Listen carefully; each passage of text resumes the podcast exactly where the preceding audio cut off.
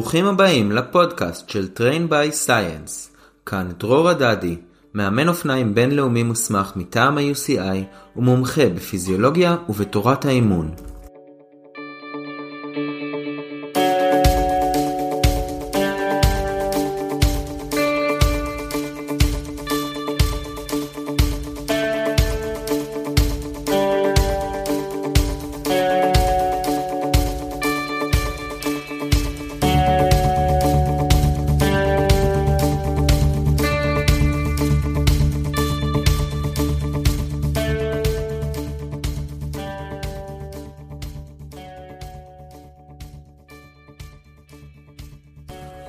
אז היום אני מדבר עם חן שרייבר על פרוביוטיקה, ואני חושב שהרבה מאוד אנשים לא מכירים אותו כל כך, אז היום אנחנו נדון בנושא הזה. שרייבר, איך אתה יכול לדבר על פרוביוטיקה? הרי אתה בכלל תזונאי.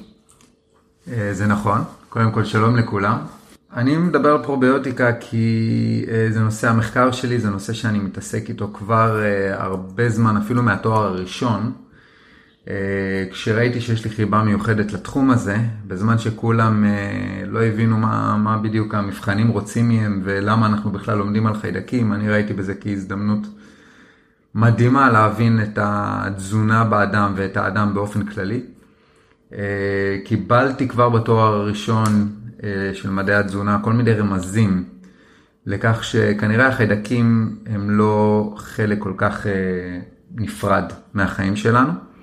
אנחנו כנראה בקשר הרבה יותר הדוק איתם ממה שרובנו חושבים. את הקשר הזה אני החלטתי שאני רוצה לחקור אותו בתואר השני, שערכתי תזה שכללה מחקר קליני.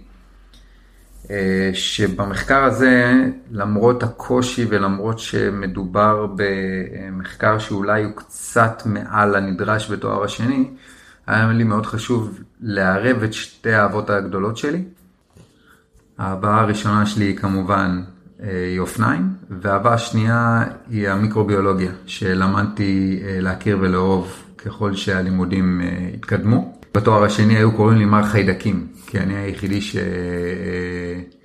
שבאמת התעניינתי והתעמקתי בעולם של החיידקים, בזמן שזה יצר אצל רוב האנשים בלבול.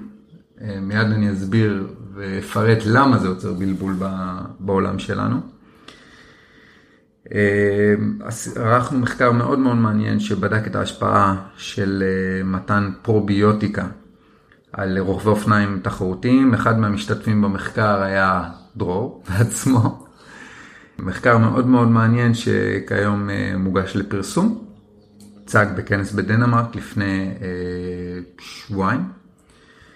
ואנחנו כאן בעצם, אני ודרור היום כאן בשביל לחשוף בעצם את העולם הזה אה, ולהסביר בעצם מה זה התחום הזה של, ה, של המיקרוביולוגיה באדם, בעצם המיקרוביוטה, שמיד אפרט מה, מה הכוונה כשאני אומר אה, את, המש, את המילה הזאת. אז זהו, אז היום אנחנו נדבר בעצם על הנושא הזה. זה באמת אחד הנושאים היותר מעניינים היום באזורים האלה של התזונה, וגם באמת, גם נושא יחסית חדש, כי לא הכרנו אותו כל כך לפני עשור בואו נגיד, אה, וגם כי נראה שיש לו המון המון פוטנציאל להשפיע ולשנות הרבה מאוד דברים כמו שאנחנו מכירים אותם היום, גם בתחומים של האימון הגופני וגם בתחומים של מחלות וכן הלאה. ואין ספק שאם נדבר על הנושא הזה בעוד שנים בודדות, נוכל לומר עוד המון המון דברים שבפרק היום לא נוכל להגיד אותם, כי באמת זה עדיין נושא בהתפתחות, אבל אני חושב שמאוד מאוד חשוב שהאוכלוסייה תכיר אותו, ובטח אוכלוסיית הספורטאים תכיר אותו, ואני בטוח שיהיה היום פרק מאוד מאוד מעניין. אז זהו, אז שרייבר, תודה רבה שאתה מתראיין היום, ובאמת אחת האושיות היותר מתאימות בארץ לדבר על הנושא הזה, בטח בהקשרים של, של הספורט. אז יאללה, בואו נתחיל.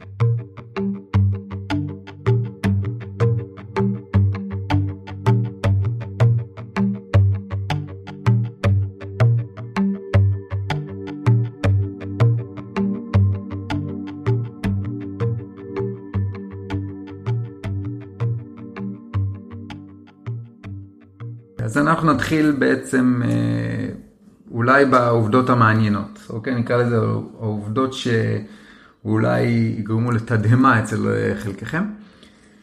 נתחיל בעצם בתאים החיידקיים. הגוף שלנו מכיל פי עשר יותר תאים חיידקיים מאשר תאים אנושיים. זאת אומרת שאם אנחנו מסתכלים פה על הגוף שלנו במובן הכמותי, אז אנחנו יותר חיידקים מאשר אדם. אה, דבר שני שהוא מעניין לא פחות, הוא מגוון הגנים שרצים אצלנו בגוף. זאת אומרת, הגנום החיידקי בגוף האדם הוא פי 100 במגוון שלו מאשר הגנים האנושיים. זאת אומרת שעד היום כשאנחנו ניסינו לפתח את הגנום, לפצח אותו, לנתח אותו, פתאום אנחנו מבינים ש... שהמשחק רק התחיל, הוא בכלל לא, לא קרוב להבנה מלאה. זאת אומרת, יכול להיות שבן אדם יש לו גנים אה, מסוימים, בן אדם אחר יש גנים אחרים לגמרי, אבל הגנים החיידקיים משפיעים בצורה אחרת על שני האנשים האלה. בעצם אנחנו, רוב החיידקים אצלנו נמצאים במעי הגס, כפי שחלקכם אולי יודעים. אבל יש לנו חיידקים בכל, אה, כמעט בכל מקום בגוף, כאשר המקום הסטרילי ביותר על גוף האדם הם העיניים, שיש לנו אך ורק מאות של חיידקים. תבינו, אם מאות זה המקום עם הכי פחות חיידקים, כמה חיידקים יש לנו בכל הגוף, בטח שלא לדבר על המעי הגס, שמדובר פה על מיליארדים. אוקיי, okay, אז יש לנו מיליארדי חיידקים בכל מיני מקומות בגוף, במעי הגס וכן הלאה וכן הלאה. אתה יכול קצת להסביר לי איך זה עובד בעצם? כאילו מה, יש לנו אוכלוסיות של חיידקים או כל מיני מושבות בחלקים שונים של הגוף? כאילו, אולי גם טיפה תסביר על מערכת העיכול כדי שנבין איך זה נראה שם וכן הלאה. אוקיי, okay, אז בוא, בוא שנייה נתייחס לצינור העיכול. צינור העיכול מתחיל אצלנו בפה ונגמר בסופו של דבר בדרך החוצה ברקטום בשירותים. מה שקורה זה שתהליך הספיגה העיקרי של מזון קורה במעי הדק. זאת אומרת, במעי הדק, שזה בעצם אחרי מעבר הקיבה, אחרי מעבר הפילורוס, אה, מתחילה ספיגה מסיבית של רוב רכיבי התזונה, כשבסופו של דבר אנחנו מקבלים אה, את שארית המזון במעי הגס, ובמעי הגס בעצם יש ספיגה בעיקר של אה, מלחים ומעט מאוד ויטמינים, ויטמין K למשל. אבל התפקיד של המעי הגס הוא מאוד קריטי בכל מה שקשור להתפתחות החיידקים ובעצם התקשורת של החיידקים איתנו. ושמה רוב החיידקים, כמו שאמרתי מקודם. החיידקים במעי הגס, לא רק שהם מושפעים מהמעי הגס, אלא הם גם משפיעים על המעי הגס. מה הכוונה? שאנחנו מעודדים את הגידול שלהם שמה על ידי בעצם מצע, אה, על ידי אספקת מזון קודם כל, שאנחנו מספקים דרך התזונה שלנו. יש הרבה רכיבי תזונה שאני אדבר עליהם בהמשך, שאנחנו לא יכולים להקל, אבל חיידקים כן. ודבר שני, זה על ידי אה, בעצם אה, נקודות היקשרות שיש לנו במעי שנועדו אה, לגידול של החיידקים. זאת אומרת, ממש יש שם אוכלוסיות שלמות של חיידקים, מיליארדים אה, של סוגי חיידקים שיושבים לנו במעי, והן משפיעות עלינו קודם כל על בריאות המעי. זאת אומרת, ברגע שיש לי מחסור בחיידקים למשל, ברגע שיש לי מחסור של חיידקים, המעי לא מייצר מספיק שכבת הגנה. זאת אומרת, יש שכבה שהיא בין המעי, בין המעי לבין החלל המעי, שהיא אמורה למנוע מרעלנים, מחיידקים להיכנס. ברגע שיש לי הרבה חיידקים, מגוון גדול של חיידקים, אז השכבה הזאת עבה יותר, והסיכוי שיחדרו אלינו חיידקים לזרם, למשל, לדרך המעי, ואחר כך הרעלנים האלה יגיעו אה, וישפיעו על גורמי דלקת בזרם הדם שלנו, הסיכוי הזה יורד. ברגע שיש לי מחסור של חיידקים, זאת אומרת אין לי מספיק חיידקים במעי, השכבה הזאת מאוד מאוד דקה. ואז גם החיידקים וגם הרעלנים של החיידקים יכולים לחדור את המעי ולגרום לתגובה אה, דלקתית, שאחר כך הגורמי דלקת האלה מגיעים לנו לזרם הדם בעצם ומשפיעים עלינו. חשוב גם לציין שהחיידקים אה, לא רק משפיעים עלינו, אלא אנחנו משפיעים עליהם. נתחיל בהשפעה שאנחנו, שהיא התנהגותית, זאת אומרת אנחנו יכולים להשפיע עליהם על ידי המזון שאנחנו צורכים, לקיחת תרופות מסוימות שהבולטת מהן היא כמובן אנטיביוטיקה שרופאים אוהבים לתת ביד מאוד מאוד קלה בימינו.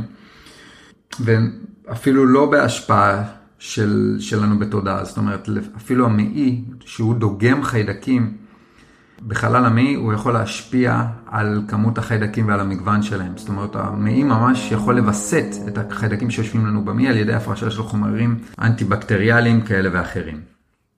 אוקיי, okay. ובואו קצת נדבר על מה התפקיד של החיידקים האלה. אנחנו מבינים שהם חשובים אני מניח, אבל מה הם בפועל עושים בגוף שלנו? טוב, נתחיל לזה שהחיידקים חשובים לנו לא רק בגילאים הבוגרים שלנו, אלא כבר מהלידה. ראו שיש הבדלים בחיידקים בין, בין ילודים שנולדים אה, בתעלה וגינלית לעומת ילדים שנולדים בניתוח קיסרי. בעצם כשהילד עובר דרך התעלה הווגינלית, האימא מעבירה לו חיידקים שבעצם היו אצלה בתעלה הווגינלית, ממש בכוונה, על מנת אה, לתת לילוד את, ה... את ההתחלה של המיקרוביוטה שלו, וההתחלה של התפתחות חיסונית. בנוסף גם ראו שהתפתחות איברים תקינה מושפעת מהמיקרוביוטה. זאת אומרת שיש באמת השפעה על הילוד, השפעה מטורפת ואנחנו רואים את זה גם בחלב אם, שהחלב אם מכיל אה, כל מיני רכיבים בקטריאליים, בעצם לפיתוח של המקרוביוטה בתינוק. אה, מעבר לזה, אנחנו יודעים שהמיקרוביוטה מאוד מושפעת מהחיים המודרניים.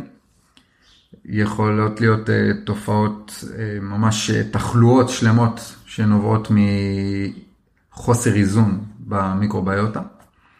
כמובן, האוכל המודרני, האורח חיים, סטרס, כל אלו משפיעים על המיקרוביוטה ועל הבריאות הכללית שלנו. אולי בתחום שיותר קשור לספורט, אנחנו מדברים פה על השפעה על אלרגיות, מחלות מטבוליות. אה, הרבה פעמים אה, ראו קשר בין המיקרוביוטה לבין התפתחות של סוכרת. אה, כמובן, כל העניין של מחלות מעי דלקתיות. האמת שבהקשר הזה שמעתי פודקאסט אחר מתישהו, ששם הם דיברו על זה שבעבר נגיד מחלת קרון הייתה מחלה מאוד מאוד נדירה, ורופאים כאילו ממש ראו אותם, אה, כשהם היו רואים אותה זה היה סנסציה, והיו קוראים לכל הרופאים בבית החולים לבוא לראות, וזה חולה קרון וכן הלאה. ועם השנים זה הפך להיות מחלה הרבה הרבה יותר נפוצה. ו... ומה שראו שהמחלה לא רק שהיא יותר נפוצה, אלא שרואים אותה יותר ויותר בילדים, שפעם זה היה לגמרי לא משהו שאנחנו בכלל רואים אותו, או משהו בלתי סביר בעליל. וההבנה היום היא שיש איזשהו קשר בין המיקרוביוטה של, ה... של ההורים, ספציפית של האימא, אה, שמעבירה בעצם את המחלות האלה לילדים. או לפחות ככה אני הבנתי את זה. אז אולי תוכל קצת להסביר לנו על הנושא הזה? אה, כן, בוודאי. קודם כל חשוב לציין שגם קרון וגם אה, קוליטיס אלו שתי מחלות אה, מעי דלקתיות שהן בעצם סוג של מחלות, אה, נקרא לזה אוטואימוניות. זאת אומרת, אה, נוצר זיהום במעי, בקרון זה גם מעי, זה יכול להיות במעי הדק ובגס, ובקוליטיס זה, זה רק במעי הגס. והמחלות הללו, אני לא יודע אם אפשר להגיד שהן מועברות על ידי המיקרוביוטה לילוד, אלא זה משהו שהוא גנטי, זאת אומרת, זו מחלה שיש לה הקשר גנטי, שיכולה להשפיע כמובן מהאימא לבן. אז למה אנחנו רואים אותה יותר היום מאשר בעבר? יכולים להיות סיבות שונות לסיפור הזה. אין ספק שמאוד יכול להיות שהמיקרוביוטה משחקת פה תפקיד מאוד מאוד חשוב, שברגע שיש לי מה שנקרא דיסביוזיס, זאת אומרת אה, חוסר תקשורת, חוסר התאמה בין החיידקים שיש לי אה, במעי במיוחד לבין מערכת החיסון, אז אה, מתפתח, מתפתח איזשהו סוג של זיהום במעי, שאלו בעצם הזיהומים שאנחנו רואים. חשוב לציין שיש טיפולים היום שדווקא מתמקדים במיקרוביוטה שמראים שיפור מאוד מאוד גדול במחלות הללו. אם זה סוג מסוים של פרוביוטיקה שנבדקה, ואם זה בנושא שכרגע ממש ממש בהתפתחות, שזה נושא של השתלת צואה. הטיפולים האלה הם לעומת הטיפול המסורתי, שהוא בעצם להחליש את מערכת החיסון, ובכך למנוע את הזיהום הזה. במעי. אז בוא נחזור קצת לנושא הזה של השתלת צואה, אה, וסתם מקרה מעניין ש... שאני קראתי עליו איפשהו. היה מקרה של איזושהי אישה שהיה לה מחלות דלקתיות שונות במערכת העיכול, אני לא זוכר בדיוק מה היה הסיפור שם, אבל באיזשהו שלב בשביל לפתור את הבעיה הזאת, מה שהיא עשתה היה לעשות השתלת צואה מהבת שלה, שהבת שלה, זמן קצר לאחר שהיא עשתה את ההשתלת צואה הזאת, הבת שלה הפכה לאוביס, וגם האישה הזאת בערך שנה וחצי אחרי השתלת צואה הפכה גם כן לאוביס. עכשיו, היא מעולם לא סבלה לפני כן מבעיות של משקל או שום דבר בסגנון הזה, ולמרות שהיא עשתה הרבה מאוד פעילות גופנית ושמרה על דיאטה נכונה וכן הלאה וכן הלאה, היא עדיין הפכה להיות אוביס בעצם כמו הבת שלה. ואחת ההשערות שהעלו זה שאולי בגלל השתלת הצואה הזאת היא הפכה בעצם לשמנה. אז איך אתה רואה את זה? אוקיי, okay, בוא נדבר שנייה על השתלת צואה בשני מובנים. קודם כל בשביל למנוע מחלות, ששם הרוב המחקר עוסק כשמדובר בהשתלת צואה. נראה שברגע שאני משתיל צואה מבן אדם בריא לבן אדם חולה עם קרבה גנטית, זאת אומרת שיש איזשהו פרופיל דומה של חיידקים בין שני אנשים, אז אני יכול מאוד מאוד להקל על המחלה, עד לרמה של ממש רימסיה מטורפת. ומה ש... הדבר השני שמדובר פה זה בעצם מה ההשפעה של המיקרוביוטה על השמנה, שזה בעצם ראו שיש הבדל בסוגי חיידקים מסוימים בין אדם שמן לאדם רזה. הדבר הזה נחקר ונעשה גם בעכברים, לצערי זה לא המשיך להיחקר בבני אדם בצורה שבאמת אפשר להסיק מסקנות או להבין משהו. מה שעשו זה גידלו עכברים שהם germ free mice, זאת אומרת עכברים ללא חיידקים. גדלו בסט... בתנאים סטריליים, בכלובים סטריליים, ואז לקחו את שני עכברים מהכלוב הסטרילי ולאחד השתילו צואה מעכבר אה, רזה ולשני מעכבר שמן, וראו שבעצם ה germ free mice האלה ללא שום הבדל בפעילות או הבדל בתזונה, אחד נהיה שמן והשני אה, נשאר רזה. יש לציין שהעכברים האלה שהם גדלים ללא חיידקים, הג'רם פרי מייס הם עכברים מאוד מאוד חולים, רזים בצורה פתולוגית, זאת אומרת ממש ממש אה, לא במצב בריאותי מתקדם, ולאחר השתלת הצואה בריאותם השתפרה פלאים, מה שעוד יותר מראה לנו ומלמד אותנו על החשיבות של המיקרוביוטה אה, בגופנו.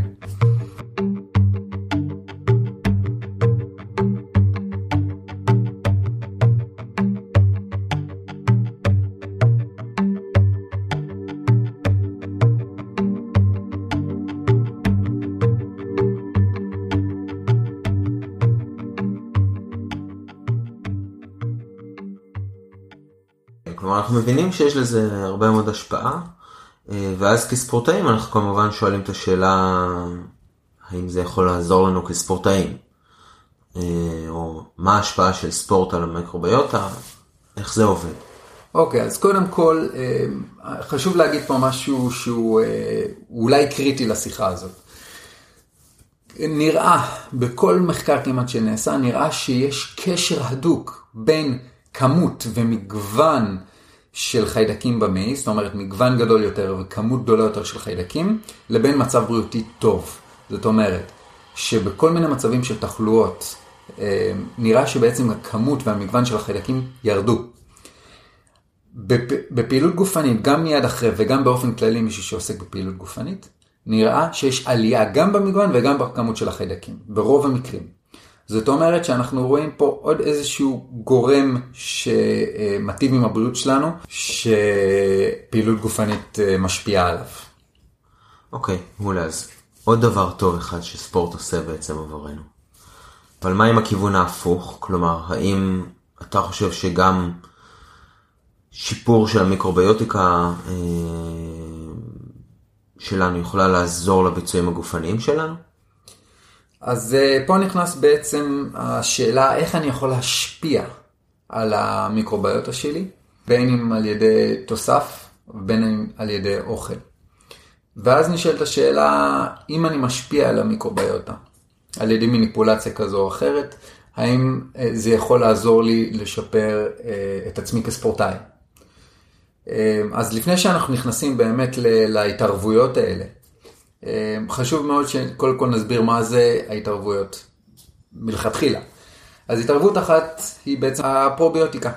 תוסף שכולנו רואים על המדפים אה, באופן קבוע, זה תוסף שהוא כולל חיידקים חיים, שנכנסים למערכת העיכול שלנו אה, ומשפיעים עלינו. חשוב לציין שההבדלים בין המוצרים השונים על המדף הם הבדלים ענקיים, זאת אומרת, אף תוסף לא באמת דומה לתוסף השני, וכל תוסף הוא יעיל למטרות כאלה ואחרות, זאת אומרת, אה, זה לא שאני הולך לסופר פארם או כל חנות אחרת ומבקש אה, פרוביוטיקה ונותנים לי פרוביוטיקה כלשהי וזהו, אני מסתדר. זה לא, צריך להבין בתוספים האלה, צריך להבין איך הם משפיעים ואיך הם פועלים. גם uh, לרמה שיש ממש חוקרים שחקרו את עולם הפרוביוטיקה והשתמשו בתוספים לא מתאימים. זה משהו שרואים אותו די הרבה. במקום אחר כאילו שמעתי על זה משהו בסגנון של תחשבו שהייתם לוקחים לאפריקה, לסוואנה שם עם כל. לא יודע, אריות וטייגרים וג'ירפות והייתם שמים שם פתאום איזה חיה אחרת לא קשורה אמ, ואומרים לה אוקיי תסתדרי. וכנראה שמה שהיה קורה לה שמהר מאוד היא הייתה נאכלת או, או מתפוגגת אה, ושזה קצת דומה לפרוביוטיקה שלוקחים מבחוץ ופשוט מנסים להכניס את זה לתוך אה, לתוך מערכת העיכול, ו... והחיידקים האלה לא יודעים מה לעשות שם, כאילו, הם לא קשורים לשרשרת המזון שם. אוקיי, okay, חשוב להבין כמה דברים שהם מאוד קריטיים לעולם של הפרוביוטיקה. קודם כל, חשוב להבין שהחיידקים שאנחנו מכניסים דרך התוספים האלה לא מתיישבים אצלנו במעי. זאת אומרת, הם לא ישנו את. הפרופיל של, של המיקרוביוטה שלנו במעי, בכך שפתאום אנחנו נראה שהחיידקים האלה התיישבו שם ואלה החיידקים שיש לנו במעי. זה לא עובד ככה בכלל. אוקיי, אז למה, מה הם עושים? אה, מה שהם עושים זה כמו שדיברתי מקודם, בעצם יש אינטראקציה בין המעי לחיידקים. ברגע שאני מכניס חיידקים חיצוניים, במיוחד חיידקים ספציפיים, זאת אומרת, אני כאיש מקצוע יודע להתאים את החיידקים למצב שאני רוצה להתאים אותו. אם מדובר במחלה מסוימת, אם מדובר בספורטאים למשל, אמ, ואני רוצה להשתמש בזנים שמשפיעים בצורה כזו או אחרת על המעי, על ידי כך שהמעי דוגם את החיידקים שאני מכניס, ואז הוא, בעצם מערכת החיסון שלנו, גורמת לשינויים במיקרוביוטה, על פי מה שהכנסנו. אמ, זאת אומרת, ההשפעה פה היא לא בכך שהחיידק מתיישב ומשנה לנו את הפרופיל בהתאם למה שהכנסנו, אלא על ידי כך שהוא משפיע על מערכת החיסון שלנו, משפיע על המעי שלנו. אה, ובסופו של דבר זה כן יכול לגרום לשינויים במיקרוביוטה. זה כן יכול לגרום לשינויים, אבל השינויים האלה לא יהיו החיידקים שהכנסתי מלכתחילה. חשוב מאוד להבין את זה. אה, אני אגיד אפילו יותר מזה. בגלל שהמעי דוגם, מה שנקרא אנטיגנים, זאת אומרת נקודות מסוימות שנמצאות על החיידק, אפילו אם אני מכניס חיידקים מתים, תהיה השפעה מסוימת לפרוביוטיקה. אה, עוד משהו שחשוב מאוד אה, לציין, זו העובדה שלכל בן אדם הפרופיל של המיקרוביוטיקה, זאת אומרת, המגוון חיידקים, סוגי החיידקים שיש לכל אדם במעי, הם מאוד מאוד שונים מאדם לאדם, ולכן מאוד מאוד קשה לדעת איזה חיידק ישפיע על איזה בן אדם. מה שאנחנו עושים היום עם עולם הפרוביוטיקה זה אה, מנסים להבין אילו חיידקים פועלים בתנאים מסוימים אצל רוב בני האדם, אבל תמיד תמיד תמיד יכול להיות מצב שעל בן אדם אחד זה לא משפיע. ורואים את זה במחקרים שהרבה פעמים על חלק מהאנשים זה השפיע, על חלק מהאנשים זה לא השפיע. אה, מה שחברות מנסות לעשות על מנת אה, בעצם להתעלות על הבעיה הזאת זה לעשות מוצרים שיש להם הרבה סוגים של חיידקים, מה שנקרא מולטי סטריין, יש כמה סוגים של חיידקים בתוך התוסף, ובכך זה עלול להשפיע על יותר אנשים. זאת אומרת, יש לי יותר חיידקים, יש יותר סיכוי שאני אפגע אה, בעצם ב, ב, ב, באיזושהי השפעה של התוסף. אוקיי, okay, אבל עדיין זה נשמע כמו שלבים די מוקדמים, כלומר אנחנו לא לחלוטין מבינים לא את ההשפעה של החיידקים, לא לגמרי איך לעשות את זה. בוא נגיד שזה עוד, עוד משהו מסוג הדברים שעוד עשר שנים נדבר עליו וכנראה שנוכל לומר אמירות יותר חכמות. אנחנו מקווים, יש עדיין מיליארדים של חיידקים שעדיין בכלל לא זוהו. אה, ואני אגיד יותר מזה, לא רק שאנחנו כרגע, מאוד מאוד קשה לנו לדעת מה, לאיפה לראות, זאת אומרת, אנחנו די יורים אה, על עיוור מה שנקרא, אלא גם שהרבה מאוד חברות והרבה מאוד אפילו מדענים עושים דברים ש, שמקשים עוד יותר, כמו למשל לתת, יש כל מיני תוספים היום בשוק שהם, אלו זנים לא, לא מסומנים, זאת אומרת שזה זנים שאנחנו בכלל לא יודעים איך הם עובדים, הם בכלל לא נחקרו, אבל מוכרים אותם. או לצורך העניין, אה, יש כל מיני השפעות, ראו באיזשהו מחקר, קצה, כלשהו שיכול להיות איזו השפעה על אוכלוסייה מסוימת, אז כולם יוצאים בהג... עכשיו בהצהרות שזה עובד, שזה מוכח, אבל זה לא מוכח. זאת אומרת, יש הרבה מאוד אה, ניסיון, גם של מדענים וגם של התעשייה, אה, לפעמים לדחוף אה, פרוביוטיקה גם אם היא לא מתאימה, וזה יוצר עוד יותר בלבול. אה, ולכן מאוד מאוד חשוב שאם לוקחים אה, פרוביוטיקה, שזה, המתן של הפרוביוטיקה יהיה על ידי איש מקצוע שמבין בתחום ויכול לכוון את הפרוביוטיקה המתאימה לבן אדם, או לפחות לעשות ניסיון לכוון את זה. Mm-hmm. חשוב מאוד לציין, מאוד מאוד חשוב לציין, שיש הרבה מוצרים שאם אנחנו צורכים אותם על בסיס יומיומי, הם כן יכולים להועיל לנו. אה, אבל גם פה, השאלה הגדולה היא איזה מוצר אני מכניס, מה המטרה שלו. אני אביא לכם דוגמה. אם אני לוקח יוגורט לבן, פשוט, אה, נגיד אה, יופלה, היוגורט אחד הנפוצים. אם אני לוקח את הלבן הפשוט, אין בפנים סוכר, אה, יש בפנים סיבים שעוד מעט נדבר עליהם, שהם מאוד מועילים, והחיידק ש... שהכניסו ליוגורט הוא חיידק די, נקרא לזה, מועיל, ואפילו נחקר. אבל אם אני אלך על אותו יופלה, ואני אוכל בטעם תות, אני לא מספיק שאני אקבל מוצר עם, שבכלל אין בו את אותו חיידק. יש בו חיידק שבכלל אני לא בטוח אם הם יודעים כמה הם שמו בפנים, אם זה בכלל מועיל, אלא שכמות הסוכר ששמו בתוך המוצר הזה, חמש כפיות סוכר על גביע יוגורט ממותק, זה המון. אז ברור לי שההשפעה של הפרוביוטיקה בכלל לא מעניינת פה. המוצר יותר מזיק מאשר מועיל. אמ, יש שם כל מיני מוצרים, ש, ש, ויש הרבה מאכלים שהם פרוביוטיים גם בצורה טבעית. זאת אומרת, אם אני מסתכל על uh, כרוב uh, מוחמץ, uh, יש שם ערך פרוביוטי מדהים. זאת אומרת, יש כל מיני מאכלים שאנחנו אוכלים שיש להם ערך פרוביוטי גבוה, גם בלי שזה מכוון, בלי שמנסים לעשות את זה uh, בכוונה, נקרא לזה ככה.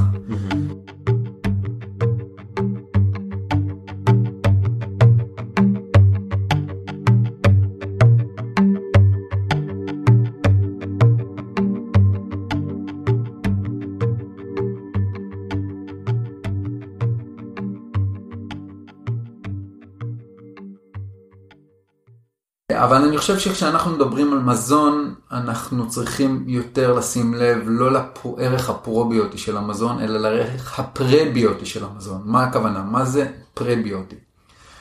פרביוטיקה זה בעיקרון אה, סיבים, סיבים תזונתיים, אבל שאנחנו לא יכולים לעכל אותם בכלל, והחיידקים שלנו מאוד מאוד אוהבים לעכל אותם. פרביוטיקה זהו נושא שהוא אפשר להגיד שהוא ממש ממש לא מפותח, לא נחקר יותר מדי, הוא משהו כמו בין 10 ל-12 שנה אחורה מעולם הפרוביוטיקה מבחינת מחקר. אמ, אבל יש סיבים מאוד מאוד מועילים לכל העניין של איזון המיקרוביוטה, של אמ, בעצם אני מזין את החיידקים, אני נותן להם להתפתח, אני נותן לכמות של החיידקים לעלות, למגוון של החיידקים לעלות. אז רגע, שנייה, אני רוצה להבין את העניין הזה. כאילו, כמו שאני מבין את זה, קצת כמו בטבע, לחיידקים שונים אוהבים לאכול סוגי מאכלים שונים. עכשיו יש חיידקים שהם טורפים בוא נגיד, והם אוהבים יותר לאכול בשר. יש חיידקים שהם צמחוניים והם יותר אוהבים ירקות נגיד, או עלים. אה, ויש חיידקים שאוהבים שוקולד בכלל. ובעצם כל אוכלוסיית חיידקים כזאת, כשאנחנו מאכילים אותה במאכלים שונים, אז היא תגדל או, או תצטמצם בהתאם לסוג המאכל שאנחנו נאכיל אותה, והיא גם תשפיע עלינו, נכון? כלומר, אם אנחנו נאכל שוקולד, אז האוכלוסיית חיידקים שאוהבת שוקולד תגרום לנו לאכול יותר שוקולד או דברים בסגנון הזה? אז התשובה היא כן. זאת אומרת, יש לנו חיידקים שונים בנקודות שונות במעי, זה מאוד חשוב לציין שהם בעצם באוכלוסיות שונות נמצאות במקומות שונים בחלל המעי שלנו, וכל אוכלוסייה מעדיפה מזון שונה, או יותר נכון צורכת מזון שונה. לדוגמה, בסוף חלל המעי שלנו יש חיידקים שהמאכל העיקרי שלהם זה חלבון.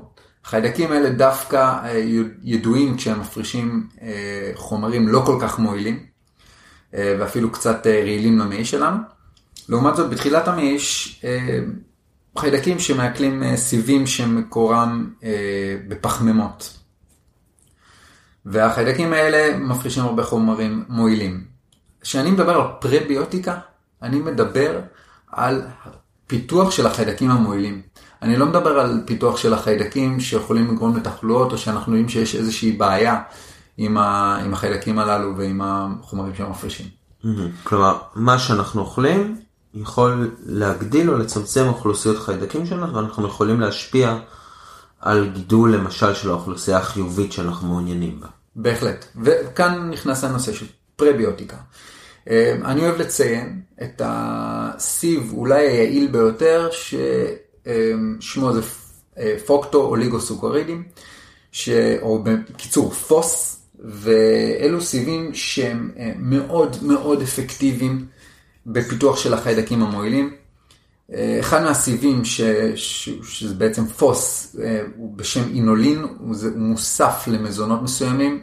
אחד מהמזונות האלה זה היופלה שדיברתם קודם, שיש תוספת של אינולין, יש עוד הרבה מוצרים שמוסיפים להם אינולין. אחד המזונות שמכינים הכי הרבה פוס זה ארטישוק ירושלמי. אם אני אשאל את רוב האנשים, האם אתם אוהבים ארטישוק ירושלמי, לא אוהבים ארטישוק ירושלמי, הרבה יגידו אני אוהב, אבל זה גורם לי לכאבי בטן מטורפים. כן, אני לגמרי אחד מהם. אה, כן, זה די נפוץ. הסיבה שזה גורם לכאבי בטן כאלה זה פשוט בגלל שהכמות פוס המטורפת שיש בארטישוק, כשאנחנו אה, מעכלים אותו, החיידקים אוכלים את זה. כשהם אוכלים, הם מבסוטים, כשהם מבסוטים אנחנו יודעים מזה. זאת אומרת, הם מפרישים אה, חומרים, גורמים לגזים ואי נעימות בבטן. מצד אחד זה בריא, מצד שני זה לא נעים בכלל. אה, יש משפט בעולם של המיקרוביולוגיה אה, בתזונה שאומר אה, no gas no gains. זאת אומרת, אנחנו צריכים מדי פעם גם להרגיש קצת גזים, שזה אומר שהחיידקים משגשגים, שהם אוכלים, שיש פעילות במעי. הרבה פעמים כל מיני אנשים שמטפלים בתזונה שהם לא דיאטנים קליניים, זאת אומרת אין להם הכשרה מדעית או או בכלל אה, תעודה לעסוק בתחום הזה. כשהם מטפלים הם נותנים תזונה שהיא מאוד דלת סיבים בשביל בעצם להקל על, על, על גזים ובעצם לגרום להרגשה קלילה. זאת אומרת, זה מזון שהוא מאוד דל בסיבים, מאוד קל לעיכול. אה, ואז אנשים מבסוטים אומרים, קליל לי, אני לא מרגיש כבד, אין לי גזים, אבל אה, לצערי זה משפיע על הבריאות שלנו משום שאנחנו פוגעים באוכלוסיית החיידקים. אה, וזה לא משהו שהיינו רוצים לעשות, אה, זה יכול לגרום לתחלואות וכל מיני בעיות בריאותיות בהמשך. אוקיי, okay. אה, ובעצם אתה בעבודה שלך בקליניקה, הרבה ממה שאתה עושה זה העניין הזה של ההתייחסות לפרביוטיקה, לסוג הבקטריות שיש לנו בגוף וכן הלאה? כן, אני לא רק עובד עם, עם מאכלים שהם פרביוטיים, אלא אני גם עובד עם למזער מאכלים שהם יכולים לפגוע באוכלוסיית החיידקים. כמו שאמרנו, האורח החיים המודרני, במיוחד התזונה המודרנית, מאוד יכולה לפגוע אה, באוכלוסיית החיידקים ולדרדר אותנו מבחינה בריאותית. אה, אני במיוחד כשאני עובד עם אוכלוסיית ספורטאים, חשוב לי מאוד אה, לאזן, בעצם לטפח את החיידקי המעיים. אני באמת רואה איך זה משפיע על הספורטאים, אני רואה איך זה משפיע גם על המשקל הרבה פעמים. אה, זה מדהים לראות שלפעמים בלי, בלי לגעת כמעט בקלוריות אתה יכול לגרום לשינויים אצל אנשים באמת על ידי כך שאתה הולך על מאכלים שיותר מטיבים מחיידקי מעיים וממזר אה, מאכלים כאלה ואחרים שעלולים להזיק להם. וזה באמת אולי קצת מתחבר למה שדיברנו עליו קודם. הדוגמה הזאת של האישה שמאוד השמינה בגלל אה, שהיא עשתה השתלת צואה, אז, אז פה זה לא השתלת צואה, אלא שימוש בכלים הרבה יותר עדינים, אבל עדיין שיש להם השפעה על המיקרוביוטה. כן, למרות שזה לא מדובר פה על איזשהו מחקר קליני, וזה לא שאני יכול לבוא ועכשיו להוכיח שזה בדיוק מה שקורה, כי בשביל זה צריך כמובן למדוד ולעשות ולראות, אבל uh, בהחלט אני, זו צורה שאני עובד בה, uh, מאוד, שם על זה הרבה מאוד דגש על העניין הזה, ואני חושב שמה שנקרא, כשאני מסתכל על כל uh, מקרה לגופו, אני רואה uh, הבדלים ושינויים אצל האנשים. אז... אז יש לך פה באמת המלצות למזונות שאתה רואה אנשים שלא אוכלים מספיק, שלדעתך כדאי להם להגביר אותם, או שזה אינדיבידואלי מאוד ואתה לא מסוגל אפילו לתת המלצות כאלה? אני חושב שההמלצה הטובה ביותר שאני יכול לתת היא קודם כל להימנע ממזונות שהם מאוד מאוד מעובדים. זאת אומרת, אה, לא ללכת על מזונות שהם או יותר מדי משומרים, או אה, אני אתן לדוגמה, את הדוגמה הכי קלאסית אולי.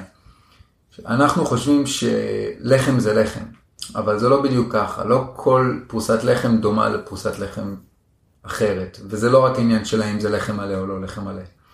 אם אני מסתכל על לחם שאני עושה בבית למשל, הוא מאוד מאוד שונה מלחם שאני אקנה בסופר שעומד על המדף כמה ימים. אמ, ובשביל לשמר את הלחם הזה יש כל מיני אמצעים די דרסטיים שנעשים על ידי התעשייה בשביל לשמר, אה, והם בהחלט בהחלט משפיעים לנו על, ה, על המיקרוביוטה בסופו של דבר. אמ, אוקיי, אז אתה אומר להימנע ממזונות מעובדים, מה עוד? אמ, אני חושב שבאמת לצרוך סיבים, בסופו של דבר הרבה אנשים לא אוכלים ירקות, לא אוכלים פירות, אה, להכניס את הסיבים כחלק מה, מהתזונה היומיומית.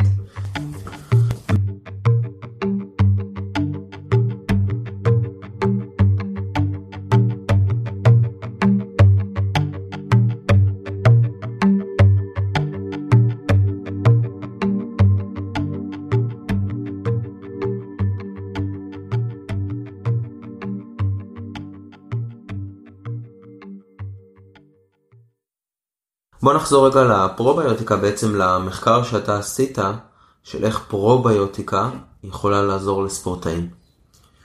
אוקיי, okay, אז uh, בכמה רבדים. קודם כל, כשאני מדבר על השפעה של פרוביוטיקה על ספורטאים, אני צריך להפריד uh, את, ה, את ההשפעה לשני חלקים. חלק ראשון, זה שהוא נחקר רבות, זה כל העניין של uh, בריאות. זאת אומרת, השפעות חיסוניות, השפעות על תחלואה, גם במערכת העיכול וגם במערכת הנשימה העליונה. אה, יש לא מעט מחקרים שבדקו את ההשפעה של פרוביוטיקה על התחלואות האלה, על סימפטומים במערכת העיכול, אה, שגם במחקר שלי זה נבדק, אה, ובהחלט בהרבה מאוד מחקרים נראה שיש השפעות, השפעה על, על תחלואה, גם במערכת הנשימה העליונה, זאת אומרת צינון, כאבי גרון, מה שמאוד מאוד מאפיין ספורטאים, במיוחד ספורטאי סבולת. אה, ממש רואים שיפור בהרבה מהמקרים. שוב פעם, צריך להסתכל על כל מחקר בנפרד, לראות איזה זנים השתמשו, אה, מי הספורטאים שלקחו. גם במחקר שלי נראה שההשפעה של פרוביוטיקה הועילה על סימפטומים במערכת העיכול, וגם נראה, נראו השפעות על מערכת החיסון כאלה ואחרות, שדווקא השפעות מאוד מעניינות, שכנראה מיטיבות עם הספורטאי ועל האיכות חיים שלו. אמ, לגבי הדבר השני שבודקים זה יכולת ביצוע, זאת אומרת האם הפרוביוטיקה יכולה אה, לשפר את היכולת ביצוע, לגרום לך לצורך העניין לרכב מהר יותר, אה, כשמדובר ברוכבי אופניים, ואני יכול לומר שעד היום לא נמצאו כמעט השפעות כאלה, זאת אומרת אה, במחקר שלי ספציפית לא ראינו אף, הבדל, אף שינוי אה, בעניין הזה.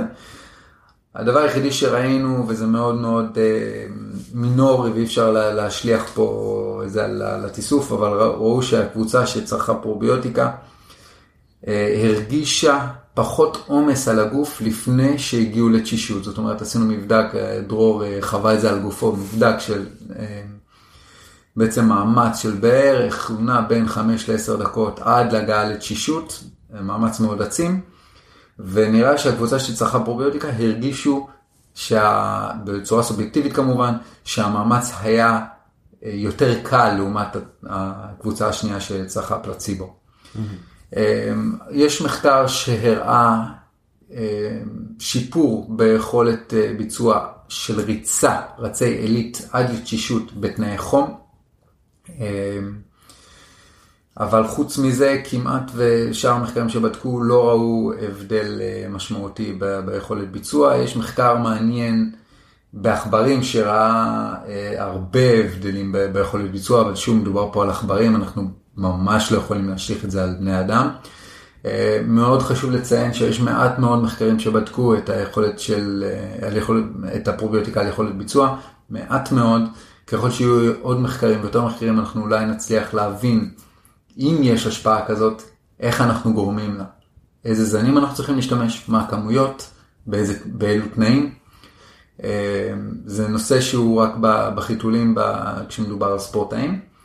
אבל שוב, כל מה שקשור לבריאות כללית ומניעה של תחלואות וסימפטומים במערכת העיכול, זה נראה ש, שיש, כנראה שיש יעילות במתן של פרוביוטיקה. כמובן לא כל סוג ולא על כל אדם, כל זן ישפיע. אם אני נותן למשל פרוביוטיקה מזן אחד, זאת אומרת זן חיידק אחד, הסבירות שאני אפגע ובאמת זה יועיל לכל הספורטאים שאני בודק, היא סבירות הרבה יותר נמוכה מאשר אם אני אקח איזה פרוביוטיקה שהרבה יותר, שהיא עם הרבה יותר זנים ובכמויות יותר גדולות. כן, כלומר, נשמע שעדיין יש לנו פה פשוט הרבה מה ללמוד בפועל. יש הרבה מה ללמוד ואנחנו רחוקים מלהבין את זה. כי תחשבו שאם לקח לנו כל כך הרבה זמן לפצח את הקוד הגנטי של בני האדם, אז כשמדובר בחיידקים, מדובר פה על פי מאות ואולי פי אלפים מבחינת הכמות. וזה משהו שייקח לנו הרבה מאוד זמן לקלוט, לגלות, להבין. אנחנו לא רחוקים, אבל שוב, ברגע שאנחנו, החקר קודם כל כל הזמן מתפתח, וכיום יותר ויותר מחקרים קליניים שיוצאים, מוכיחים ומראים שינויים כאלה ואחרים בעקבות תיסוף פרוביוטי. אבל שוב, צריך לקחת בחשבון שעל כל מחקר טוב שיש, שעושה, שמשתמש בזנים הנכונים לאותה מטרה, יכול לבוא מחקר ולהשתמש בכלל בזנים לא מתאימים. זאת אומרת, צריך להיות מאוד ביקורתי כלפי המחקרים האלה, ולפתוח את העיניים, במיוחד אנשי מקצוע שמסיקים מסקנות מהר מדי לגבי מחקר כזה או אחר. אז בוא, אם אתה יכול לתת לי אולי קצת דוגמאות של השפעה של פרוביוטיקה אצלך בקליניקה, על, על ספורטאים בעיקר? כן, בוודאי, בוודאי. אני יכול לתת דוגמה של ספורטאי צעיר, מאוד מאוד מוכשר, רוכב, אז הוא היה בנוער, שהיה סובל מתחלואות שפשוט לא, לא נגמרו, זאת אומרת מחלה אחרי מחלה אחרי מחלה. גם יש לו איזשהו מצב שמגביר את הסיכון, מצב שאני לא באמת יכול לשתף, למרות שאני לא אומר את שמו, מטעם יסודיות רפואית אני לא יכול להיכנס אפילו לפרט הזה, אבל בעיקרון יש לו איזשהו מצב שמגביר את הסיכוי לכל מיני בעיות במערכת העיכול.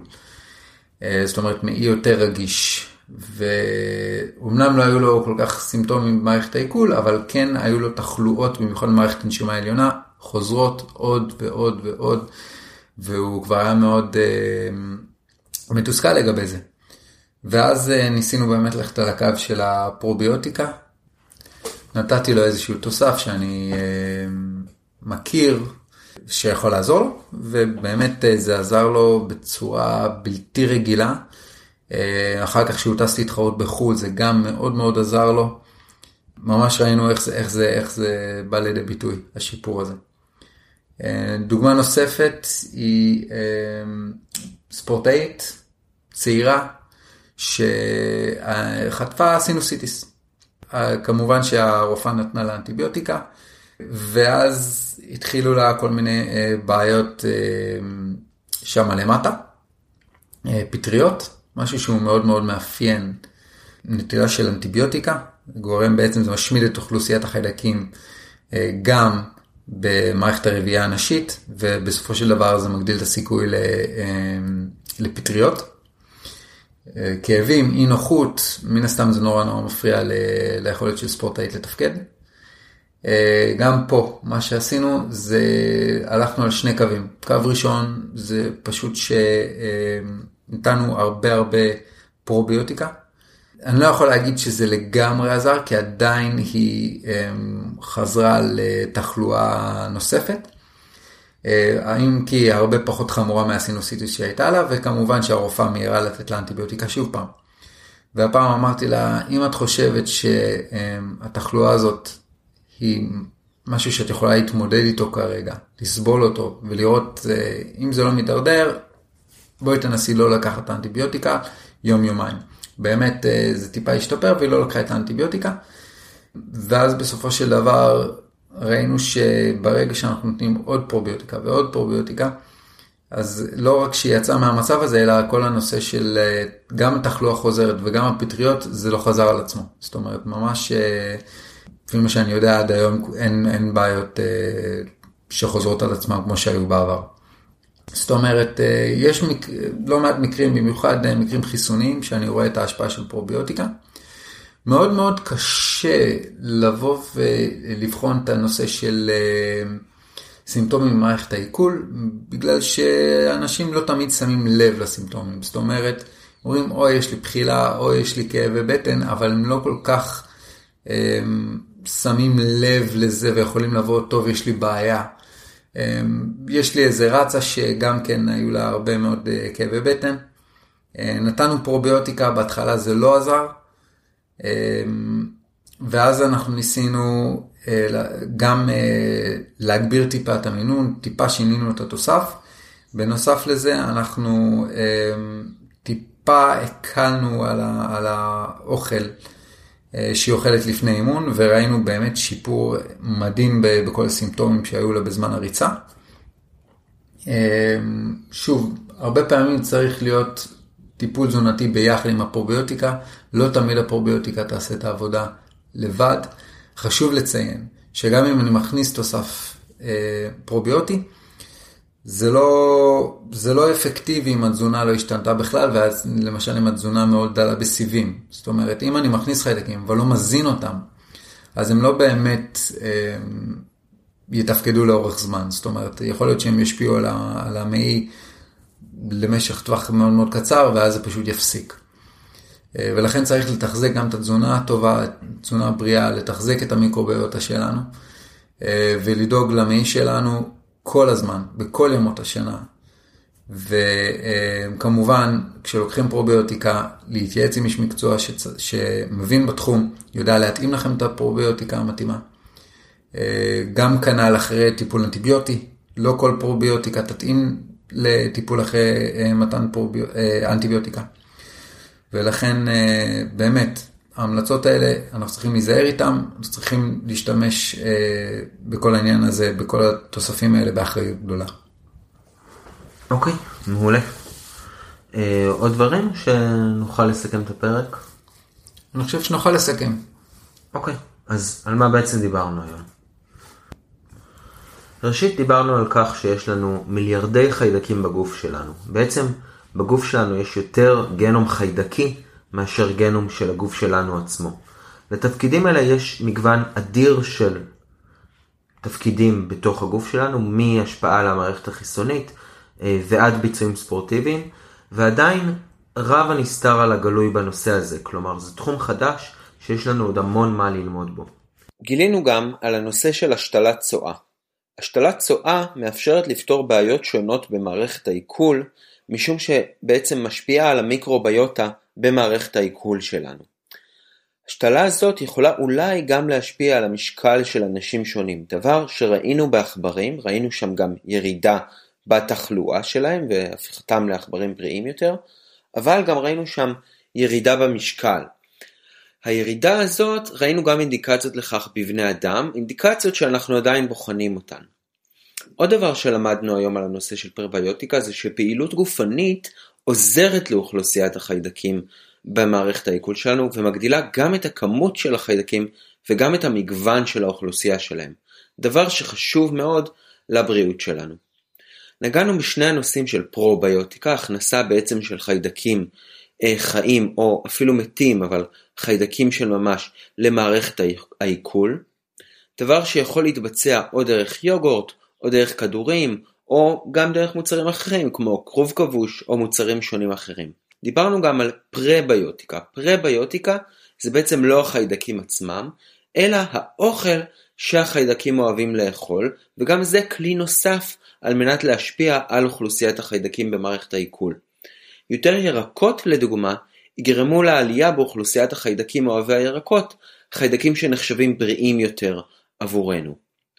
שרייבר המליץ על אכילה של סיבים ממקורות של ירקות או מקורות אחרים על מנת לעזור לאוכלוסיית החיידקים בגוף שלנו, ונתן דוגמאות לפציינטים שעבד איתם שפרוביוטיקה עזרה להם לפתור מחלות שונות ובעצם לשפר את איכות האימונים שלהם. שרייבר, מילות סיכום אחרונות שלך? אמ, קודם כל לזכור, אני חושב שמה שחשוב אמ, בפרק הזה, לכל אחד, זה לא הידע, לאו דווקא הידע שקיבלתם היום, אלא זה שינוי התפיסה. אנחנו צריכים בכלל להיות מודעים לכך שיש את החיידקים האלה בגוף שלנו, שהם חלק מאיתנו, שהם אחראים לתפקוד שלנו. אנחנו צריכים לדעת שהם קיימים, ושאנחנו צריכים לדאוג גם להם. וברגע שאנחנו מבינים את זה, ברגע שאנחנו מכניסים את זה לתפיסה שלנו, לתודעה שלנו, אני חושב שכל אחד יכול לדאוג לעצמו בריאותית ותזונתית הרבה יותר טוב. אוקיי, מעולה, תודה רבה. תודה רבה על האירוח שוב פעם.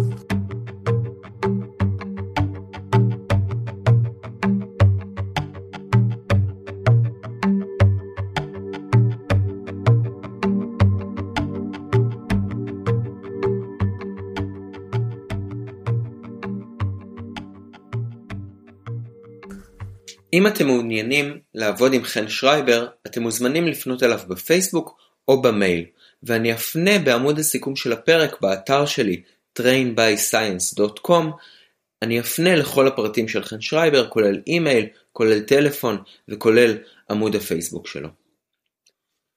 אם אתם מעוניינים בתוכנית אימונים אישית, פנו אליי לדרור את trainbyscience.com ונדבר על איך אנחנו בונים את תוכנית האימונים המושלמת עבורכם.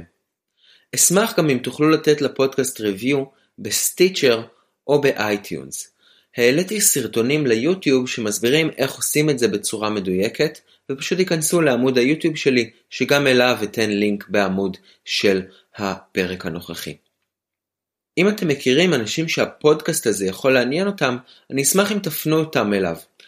אשמח אם תוכלו לשלוח לקבוצת הרכיבה שלכם בוואטסאפ, או לכל פורום אחר של רוכבים שאתם מכירים, את הפודקאסט הזה, עם המלצה על לשמוע אותו. אתם מוזמנים גם להיכנס לקהילת הסיבולת של Train by Science בפייסבוק, שם ניתן לשאול שאלות, וגם אני לפעמים שואל שאלות בנוגע לפרקים ורעיונות שיש לכם בנוגע אליהם. זהו, אני תמיד שמח לשמוע ביקורת ותגובות על הפרקים, ואשמח לשמוע אותם, כמובן, במייל שלי או בפייסבוק. תודה רבה, ושיהיה יום נפלא.